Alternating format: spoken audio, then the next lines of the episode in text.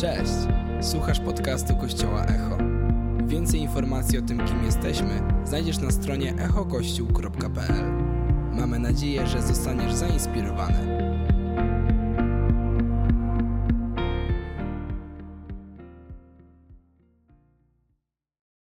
Witajcie, serdecznie witam Was tym, w tym wakacyjnym trybie, modzie.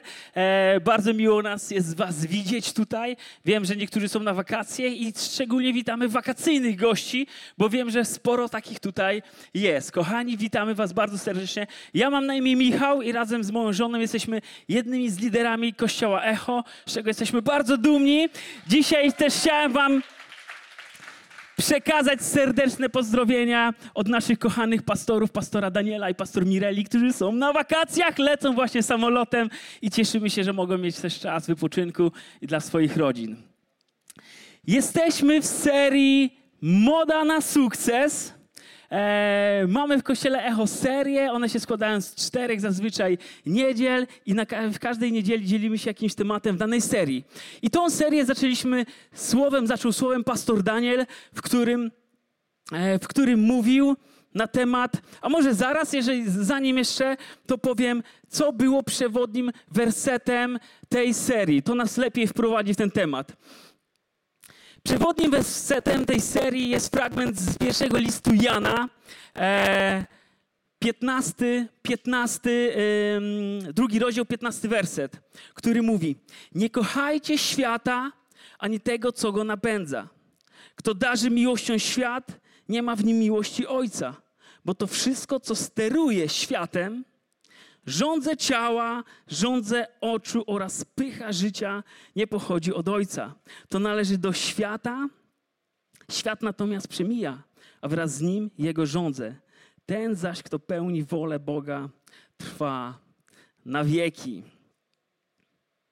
Ale wakacyjny temat, co nie? Rządzę ciała, rządzę oczu, jak najbardziej wakacyjny. Kochani, pastor Daniel rozpoczął tą serię tematem o którym mówiliśmy o rządzy ciała. Mówiliśmy o tym, że nasze ciało czegoś pożąda. I zazwyczaj ono pożąda przeciwko duchowi. I pastor Daniel mówił, że tu jest pewien konflikt i są pewne emocje, które e, i pewne bodźce, które działają. E, może sobie powiedzmy, o co chodzi z tym światem. Nie chodzi tutaj o świat, ten nasz fizyczny, planetę Ziemia, ale o pewien system wartości, który jest między nami, rozprzestrzenia się, ale oparty o to, że Boga nie ma. Czyli jest to system wartości pozbawiony Boga.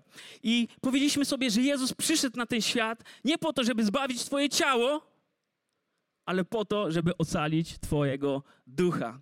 E, drugi temat w tej serii był na temat rządzy oczu. I Weronika Włodkowska pięknie nas zainspirowała, że jak ważne jest to, na co spoglądamy, na czym skupiamy swoją uwagę i jak warto jest skupić swoją uwagę na Jezusie. I wtedy wszystko zaczyna nabierać innych kolorów. Tydzień temu Eryk mówił na temat, jak wygląda życie napędzane wiarą. I powiedzieliśmy sobie o tym, że one się różni od tego życia pozbawionego wiary. E, I co zrobić, kiedy ugryzie was grzechotnik? Takie praktyczne Eryk dawał nam wskazówki. Zachęcam was do odwiedzania naszej strony echokościół.pl. Tam są podcasty. Będziecie mogli sobie się zaupdate'ować, przesłuchać wszystkie kazania w serii, bo dzisiaj mam przyjemność kończyć tą serię tematem pycha życia. Co wy na to? To nie jest lekka seria, to nie jest lekki temat. Sam przygotowując się, pokutowałem. Pokutowałem z pychy życia, z pychy. Czym jest sukces, też mówiliśmy. Zanim jeszcze wyjdziemy głębiej, bo też mówimy tutaj o sukcesie, moda na sukces. I różnie możemy ten sukces postrzegać. Zależy, jakie kryteria, jaką siatkę na, nałożymy. Każdy z Was ma inne wyobrażenie. Może tutaj śmieszna historia z rodzinnych pieleszy. E, mój świętej pamięci dziadek, jak to pokolenie dziadków, miał bardzo prosty, bardzo proste kryteria, czym jest sukces. Kiedy poznałem a to było już 20 lat temu, moją obecną żonę, przyszedł taki czas, że przedstawię ją mojej rodzinie. Mieszkaliśmy na wsi, nieduży domek, razem właśnie z dziadkami i był tam dziadek Janek. Dziadek Janek, widząc, że Malina jest niezwykłej urody, inteligencji i nadaje się na partię dla jego wnuka, chciał jak najbardziej mnie przedstawić jako człowieka sukcesu, człowieka, który jest jak najbardziej odpowiednią partią. I mówi do Maliny, wiesz, Michałek to dobry chłopak to dobry, grzeczny chłopak, pracowity, uczciwy i w więzieniu nigdy nie siedział. Malina to usłysząc, no jak najbardziej. Dzisiaj jest moją żoną, jest nam dobrze, więzienia nie odwiedzam. Tak więc, e, jak widzicie, różne, różne mogą być e, kryteria sukcesu. Co jest Twoim sukcesem? I Biblia daje też pewien wzór sukcesu. Pozwólcie, że Wam przeczytam jeden fragment z Ewangelii Mateusza. Bo cóż za korzyść odniósł człowiek, który zdobył cały świat, jeśli utraci własną duszę? Albo co da człowiek w zamian za swoją duszę? Nasze ciało za dużo nie potrzebuje na końcu tego życia. Niedużej kwatery, metr na dwa i na dwa pod ziemią. To potrzebuje Twoje ciało ale wierzymy w wieczność i wierzymy w nieśmiertelność Twojej duszy, o którą Jezus przyszedł i zawalczył i, o co, i, i pokazał, że tak naprawdę chodzi tutaj o Twoją duszę, o Twoją wieczność. I bardzo mi się podoba podsumowanie życia apostoła Pawła, który w dzisiaj do swojego przyjaciela Tymoteusza napisał: Wybiła godzina mojego odejścia, drogi Tymoteuszu. Każdy z nas kiedyś będzie mógł coś takiego napisać ale ciekawe jak zakończy.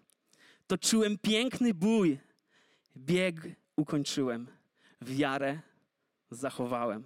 Teraz czeka na mnie wieniec sprawiedliwości, który w tym dniu da mi Pan, sędzia sprawiedliwy, a nie tylko mnie. Da go wszystkim, którzy z utęsknieniem oczekują Jego przyjścia. Wiara. Jak wiele historii słyszałem i wy pewnie też słyszeliście, gdzie ludzie zdobyli tak dużo, tak wiele osiągnęli, sukces, a tak naprawdę utracili to, co jest najcenniejsze w tym życiu wiarę. Tak więc, kochani, dzisiaj bierzemy na tapetę sukces, modę, ale tak naprawdę dobierzemy się do sedna, czyli do pychy życia. Trzeci system, który steruje tym światem. Rządza ciała, rządzę oczu i pycha życia. O co w tym chodzi? Pycha ogólnie jest ciężka do zdiagnozowania. Kiedy dzisiaj bym zadał wam pytanie, dzisiaj, kto z was zmaga się dzisiaj z pychą? To jest ten moment, że możecie podnieść rękę. Ktoś jest... O, raz, to, trzy. Dziękuję za waszą odwagę. Dziękuję za waszą odwagę. Wiem, że to jest trudne. Na pewno wielu z was nie podniosło ręki. Może jest to właśnie objaw pewnego jego sposo jej sposobu działania. Tak więc dzisiaj będziemy badali swoje serce. Ja też badałem swoje serce i badam swoje serce i wiem, że pycha jest czymś, co działa nieustannie. Pycha, pycha jest grzechem. Pycha jest grzechem, który się pojawił u samego, samego początku. Po, samego początku, co możemy czytać w księdze Genezis. Ale kiedy na przykład zadałbym pytanie, troszeczkę odwrócone, nie czy zmagasz się dzisiaj z pychą, tylko czy przydarzyło ci się w swoim chrześcijańskim życiu upaść? Czy była sytuacja, w której się potknąłeś, w którym grzech cię pokonał, w którym nie dałeś rady, nie dałaś rady, w której nie dociągnęłaś, w której po prostu coś się wydarzyło, że widzisz, że po prostu upadłeś i twój upadek był słyszalny? Biblia mówi, nie, bo wiem, że będzie ich dużo, ja jestem pierwszy. Biblia mówi, że pycha chodzi przed upadkiem, wyniosłość ducha przed potknięciem. Tak więc proste, prosta odpowiedź. Wiem, że każdy z nas, każdy z nas zmaga się z pychą. Pycha jest, pycha jest jednym z pierwszych arsenałów na linii, którą ustawia Bóg przeciwko tobie. Dlatego tak ważne jest, żebyśmy rozpoznawali i badali swoje serce pod kątem pychy. Pycha działa według pewnego schematu. E, którego celem jest doprowadzenie cię do upadku. Tak więc, jeżeli myślisz, że możesz z pychą troszeczkę tak sobie, e, wiecie, pochodzić i osiągniesz coś, co da ci satysfakcję. Nie, to doprowadzi cię do upadku. Pycha zmieniła porządek świata, porządek, który zaplanował Bóg od samego, samego początku, e, w którym na pierwszym miejscu był Bóg, później w pięknej relacji opartej na miłości był człowiek, który miał cieszyć się relacją z Bogiem i, i żyć na tym świecie. Ale przyszła pycha i odwróciła ten porządek, w której powiedziała: Czy na pewno? Czy na pewno jest to dobry porządek dla ciebie? Czy na pewno Bóg musi? Przecież jest możliwość, żebyś ty się nawet zrównał, zrównała z Bogiem. Szatan wpuścił myśl. Przeczytajmy sobie fragment e, z pierwszej księgi, Księgi Rodzaju. wówczas wąż zapewnił kobietę. Przyszedł szatan pod postacią węża i powiedział do kobiety: Na pewno nie pomrzecie. Bóg trzy fragmenty wcześniej powiedział: Nie zrywajcie z tego konkretnego drzewa owoców i nie jedzcie go, bo pomrzecie. Z drzewa poznania dobra i zła. I przyszedł wąż i powiedział: Na pewno nie pomrzecie. Bóg wie, że gdy tylko zjecie z tego drzewa, otworzą, otworzą się wam oczy i staniecie się jak Bóg. Poznacie dobro i zło. Kobieta przyjrzała się owocom. Wydały jej się warte spróbowania. Wyglądały pięknie, a ponadto dzięki nim mogło się ziścić jej pragnienie poznania. Sięgnęła więc po owoc, zerwała i zjadła. Podała też mężowi, który z nią przebywał. Byli razem. On również zjadł. Piękny mechanizm tu nam się pojawił. Przyszedł przeciwnik, przyszła pycha i powiedziała: Czy na pewno Bóg ma najlepszy pomysł na Twoje życie? Czy to nie Ty, czy to nie Ty powinieneś decydować o swoim życiu? Przecież tu chodzi o Ciebie. Przecież Ty powinieneś być w centrum. Później pycha wskazała fałszywy cel, pokazała owoc. Patrz, patrz, jak, jakie to jest piękne. I co wtedy zrobił człowiek? Przyjrzał się owocom. Przyjrzał się, rzeczywiście. Jego uwaga została oderwana. Przyjrzał się owocom i co zobaczył? Że te owoce są piękne i warte spróbowania.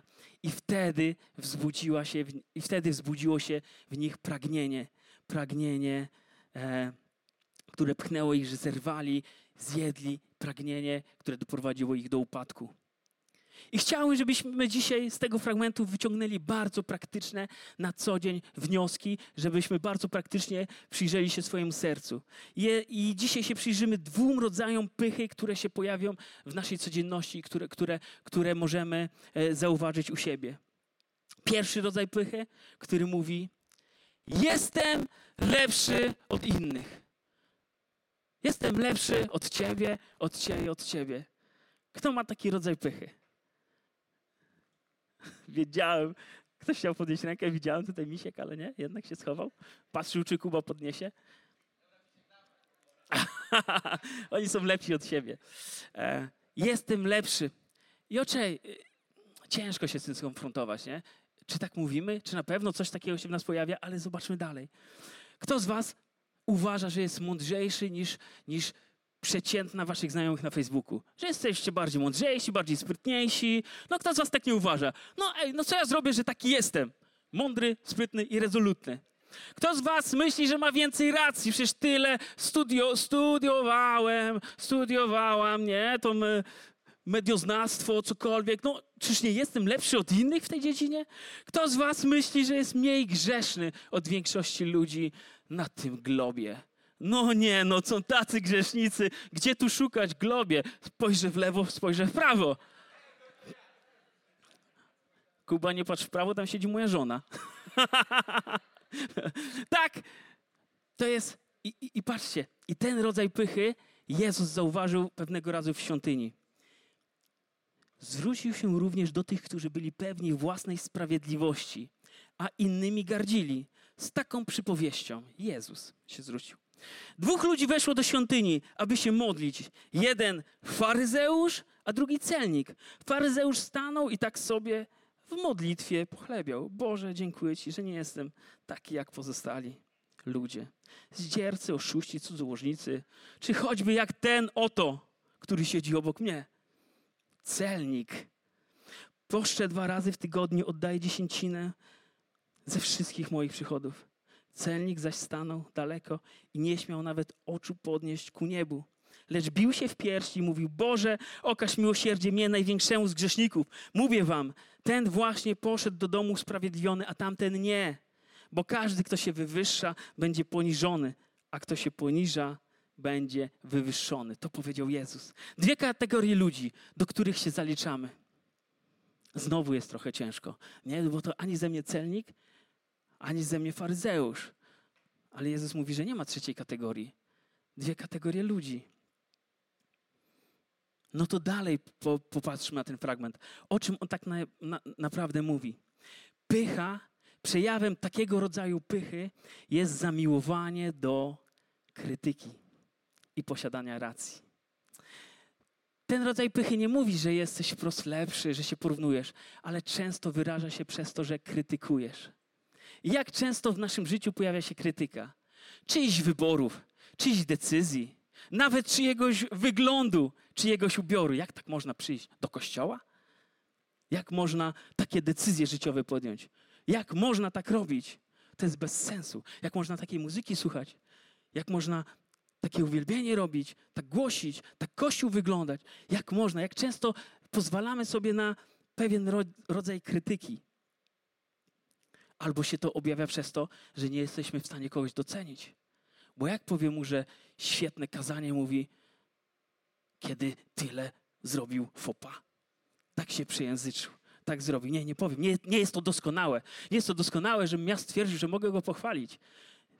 To uwielbienie, ta muzyka, te decyzje, ta firma, to nie jest tak dobre, żebym mógł to pochwalić. Jak traktujesz innych ludzi? Oto tu jest pytanie. Jest pewna historia z mojego życia, jak co niektórzy wiedzą, e, pół swojego życia spędziłem w wojsku. Wojsko to takie specyficzne środowisko, oparte na konkretnych strukturach, stopniach, stanowiskach, e, korpusach. E, I ja, żyjąc w tym, oczywiście wszedłem w ten system. Zacząłem też funkcjonować w ten sposób, zacząłem obserwować i zaczęło to mnie też urabiać. Spędziłem pięć lat e, swojego życia na Akademii Wojskowej, tam nas uczono, przygotowano nas, żebyśmy byli dobrymi dowódcami, e, oficerami, którzy po prostu będą, będą wiedzieli najlepiej. Tak więc y, ogólnie wojsko jest podzielone na trzy rodzaje korpusów: oficerski, podoficerski i szeregowy. I nie muszę wam mówić, że każdy z tych korpusów ma przeświadczenie o swojej niezwykłej wyjątkowości i racji w każdej, w każdej możliwej dziedzinie. I oczywiście na każdym kroku jest wytykanie, jest pokazywanie, o, oficer. Czegoś takiego nie wie, nie potrafi. O, podoficer. Muszę poprawiać wszystkie ich błędy, bo oni nie wiedzą, co robią. Szeregowy, niby wykonuje wszystko, bo musi, ale wie najlepiej. I na każdym, na każdym kroku wytyka te błędy. A przejawem tego często jest właśnie szyderstwo. Szyderstwo, krytyka, ironia, która pojawia się na każdym kroku. I kiedy w takim swoim młodooficerskim myśleniu, pysznym, nie będę ukrywał, trafiłem do niezwykłej jednostki, w której spędziłem mnóstwo lat, ośrodek szkolenia nurków, gdzie się uczyłem swojego fachu, gdzie nurkowałem, zrozumiałem jedną rzecz. Że kiedy mam schodzić pod wodę na 40, 50, 60 metrów, nagle nie liczy się to, jaka ta druga osoba, z którą będę nurkował, posiada stopień. Nagle to przestaje mieć znaczenie. Nagle się liczy, czy w sytuacji kryzysowej, w sytuacji, w której będzie moje życie zagrożone, ta osoba z narażeniem swojego życia będzie ratowała moje. Nagle takie kryterium zacząłem nakładać na ludzi i wszystko się zaczęło zmieniać. Moje myślenie zaczęło się zmieniać. Bo nie chodzi o to, co nosisz na pagonach. Chodzi o to, jakim jesteś człowiekiem, jaką postawę masz serca. Czy rzeczywiście zauważysz tego niższego, czy zauważysz tego, którego nikt nie zauważa, bo wszyscy jesteśmy tak wysoko, mamy brodę podniesioną? Woda stopni nie rozróżnia. I to była na, dla mnie największa lekcja, że są sytuacje w Twoim życiu, że, że, że Twoje sprawy będą zależały od innych osób, których może nie zauważałeś. I warto tak patrzeć na człowieka. Warto patrzeć na człowieka. Ej, może moje życie będzie zależało od niego. Ale niech to nie będzie naszą motywacją. Niech naszą motywacją będzie miłość przede wszystkim, a później to wyjdzie samo. Drugi rodzaj pychy. Przyjrzymy się teraz drugiemu, e, drugiemu mechanizmowi, który się pojawia w naszym życiu, w naszym myśleniu. Poradzę sobie z tym sam. Jestem samowystarczalny, nie potrzebuję ludzi, nie będę prosił o pomoc, no bo jak? Tylko słabi proszą o pomoc. Przecież proszenie o pomoc jest okazywanie mojej słabości. Taki rodzaj myślenia powoduje jedno. Pycha cię spycha. Pycha cię spycha, ale mi się udało. Odpycha cię od ludzi. Odpycha cię od kościoła. Sprawia, że twoje relacje stają się powierzchowne. No bo nie pozwolisz sobie, żeby ktoś zajrzał głębiej do twojego życia. No bo jak, bo może coś zobaczyć. Przecież niech widzi tylko twój uśmiech. Troszeczkę takie, wiecie, um, instagramowe, instagramowy live. Taki po prostu, że jest zawsze super. I w kościele często też może tak funkcjonujemy. Nie pozwalamy za bardzo nikomu wejść, no bo może, bo może wyjdzie. Pycha nie powie, że sobie z czymś nie radzisz. Bo właśnie. Powie, że narazisz się na śmieszność. Pycha wkłada maskę. Pycha nie woła pomoc i nie przyjmuje pomocy. To jest może coś, co, z czym ja się często zmagałem, że ja nie potrafiłem przyjąć pomocy. To zazwyczaj ja byłem tym, który pomaga, zaradny, ogarnięty, niczego mi nie potrzebowało, to ja byłem do tego od pomagania. I komuś mam powiedzieć, że ej, potrzebuję twojej pomocy, to nie było w mojej naturze. Uczę się tego, walczę, to jest rodzaj pychy. Ten rodzaj pychy pojawił się w ogrodzie Eden. Pewien mechanizm. Powiedzcie mi, co by się stało, gdyby Adam z Ewą w momencie największej swojej próby zatrzymali się Ewa powiedziała, hej, Adam, muszę z tobą pogadać. Coś tu jest nie tak. Jakieś myśli. Mój wzrok jest skierowany na coś, na co nie powinnam patrzeć, na co nie powinniśmy, czym się nie powinniśmy zajmować. Co by było, gdybyś zdecydowali się pogadać z Bogiem na ten temat? Przecież Bóg był w ogrodzie. Ej, jakiś wąż przyszedł i on gada. Gada dziwne rzeczy, że, mo, że możemy być równi. Coś tu jest nie tak. Co by było, gdyby otworzyli się, gdyby wyszli, wyszli z tego miejsca zaślepienia, skupienia się właśnie na swoich pragnieniach, potrzebach i żeby pogadali ze sobą. Zadziałał piękny mechanizm. Pycha doprowadziła ich do grzechu, grzech do wstydu, a wstyd do ukrycia. I, i co się stało? Ciężko było ich znaleźć, schowali się w krzakach. Schowali się w krzakach, ukryli, byli pełni wstydu. Udawali, że ich nie ma. Woleli nałożyć, utracili coś, co mieli od Boga. Chwałę, która była ich ubiorem, zamienili na liście. Na jakieś straszne liście. I udawali, że wszystko jest ok, że jest jak dawniej.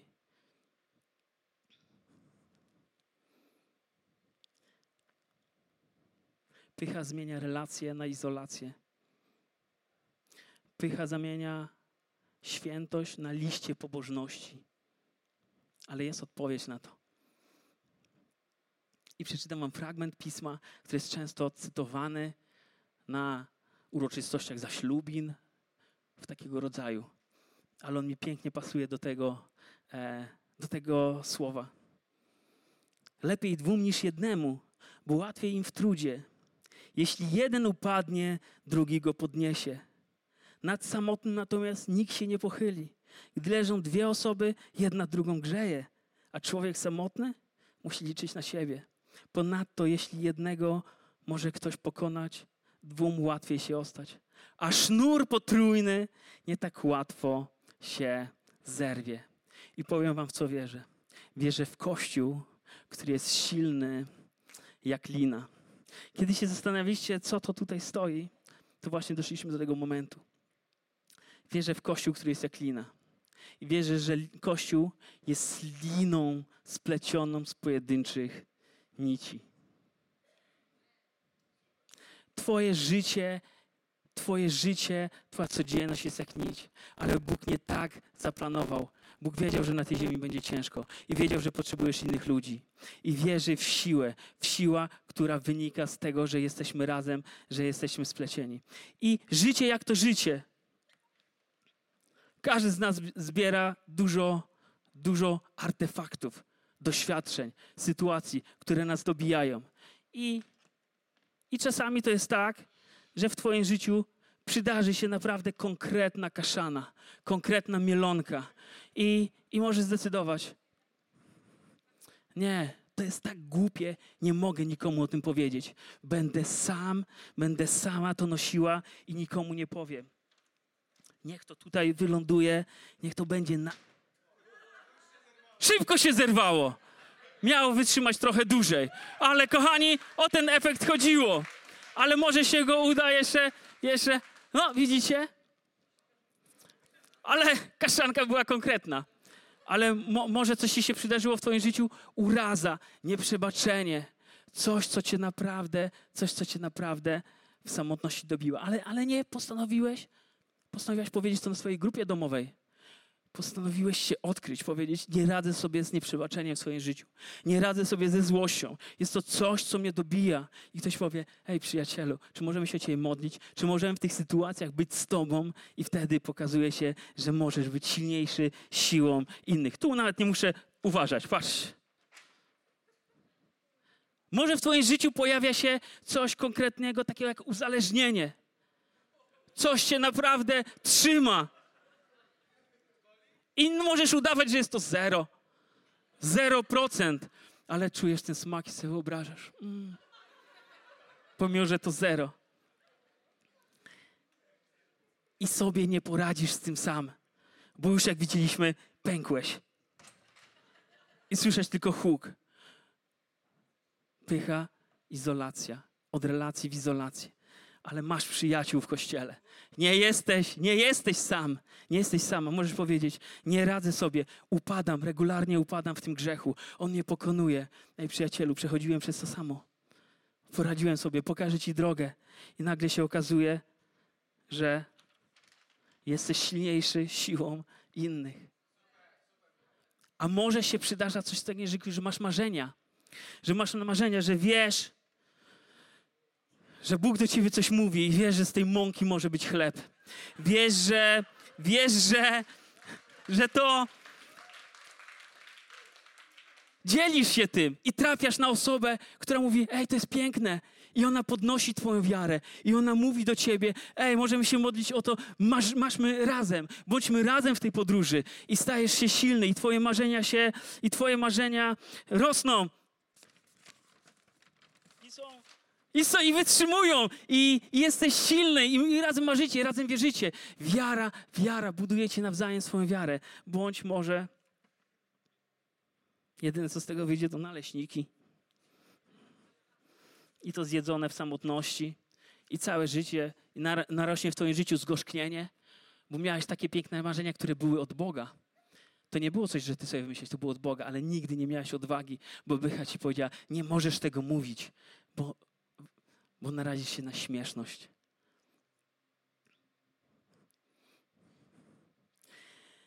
W liście do Efezjan jest napisane, z niego czerpie całe, całe ciało. Każda jego część we właściwy sobie sposób łączy się z innymi i wzajemnie zasila. Łączy się z innymi, splata się z innymi. A dzięki temu wszystkie rosną w otoczeniu miłości. Świat gardzi słabością a Bóg mówi, że w słabości dokonała się, doskonali się moc. Apostoł Paweł, kiedy zmagał się z największą słabością w swoim życiu, kiedy się modlił, nagle dostał od Boga odpowiedź. Pawle, wystarczy Ci moja łaska.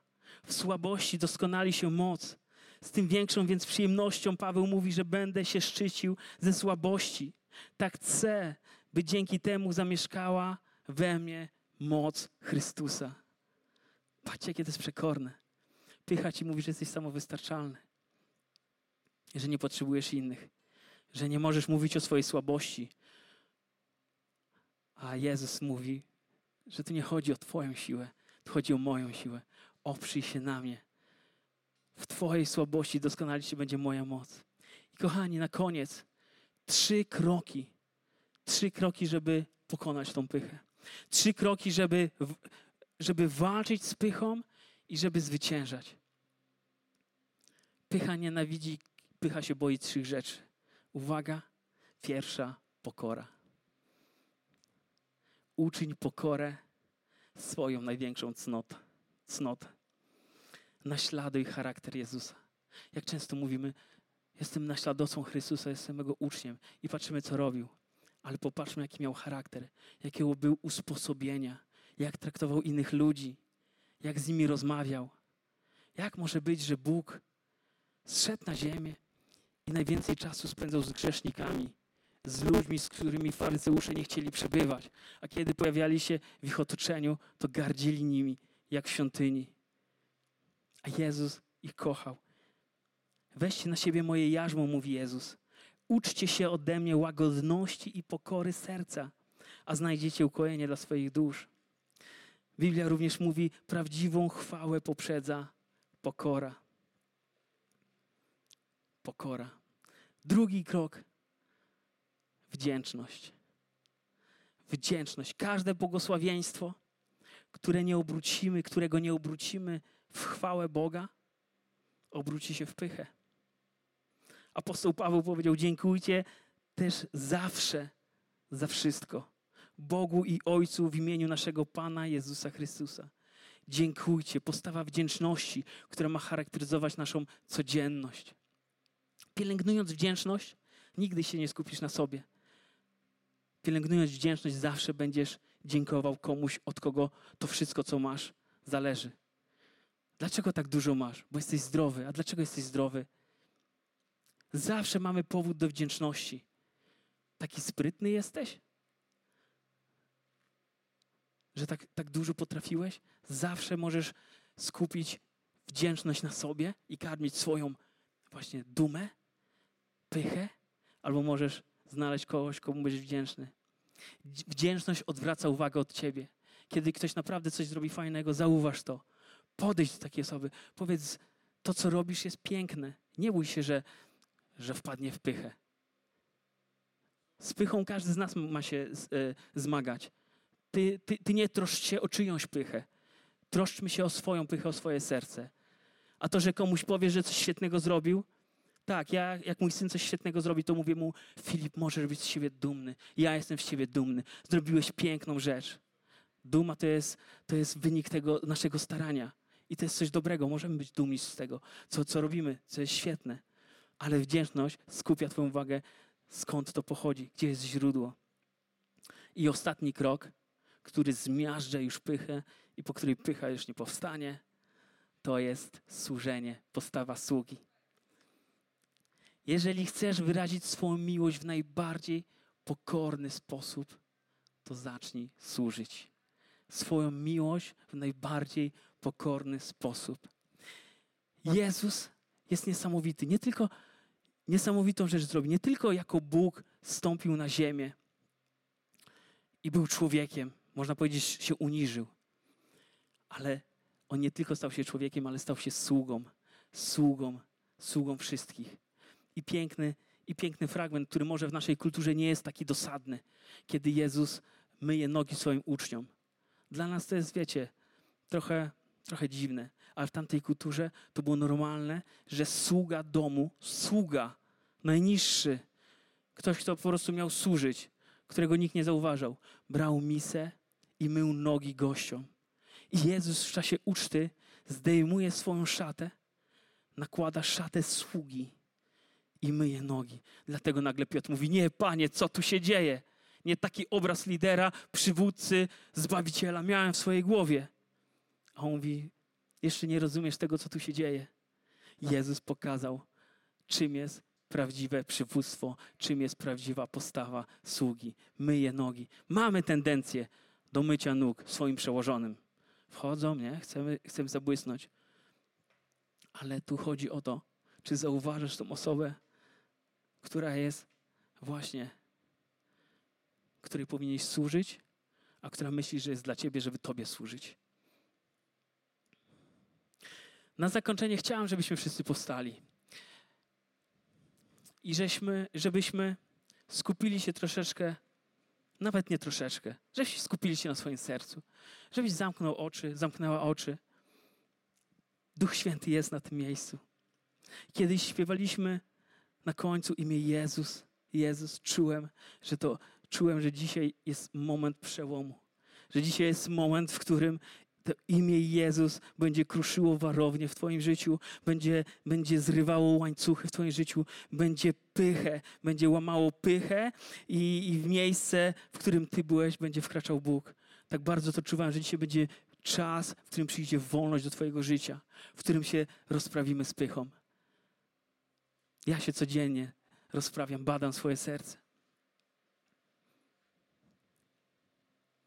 Może, może widziałeś ten rodzaj pychy w swoim życiu przez to, że krytykujesz, albo że nie jesteś wdzięczny, albo że nie chcesz służyć. Poruszają mnie osoby w tym kościele, które pomimo swojego, swojej pozycji w świecie, opartym na, na innych wartościach, są dyrektorami, lekarzami, prawnikami, przychodzą do kościoła i swoją miłość do innych wyrażają przez to, że im służą.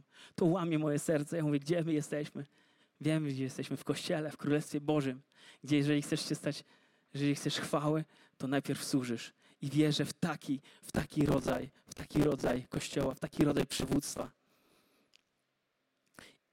I kochani, zanurzmy się trochę w swoim sercu. Ja wierzę, że Duch Święty teraz do nas mówi. Duchu Święty, pokazuj nam ten rodzaj pychy w naszym życiu. Pokazuj nam ten rodzaj pychy, który sprawia, który sprawia, że oddalamy się od Ciebie, który sprawia, że nasza wiara słabnie, że nie ma entuzjazmu, że nie rozumiemy. Duchu Święty, rozprawia się, pokazuj te momenty i daj nam siłę. Chcemy przyznać, że jesteśmy słabi.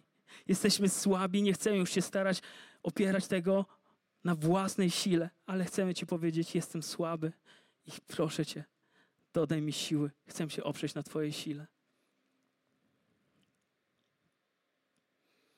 Ty jesteś tutaj.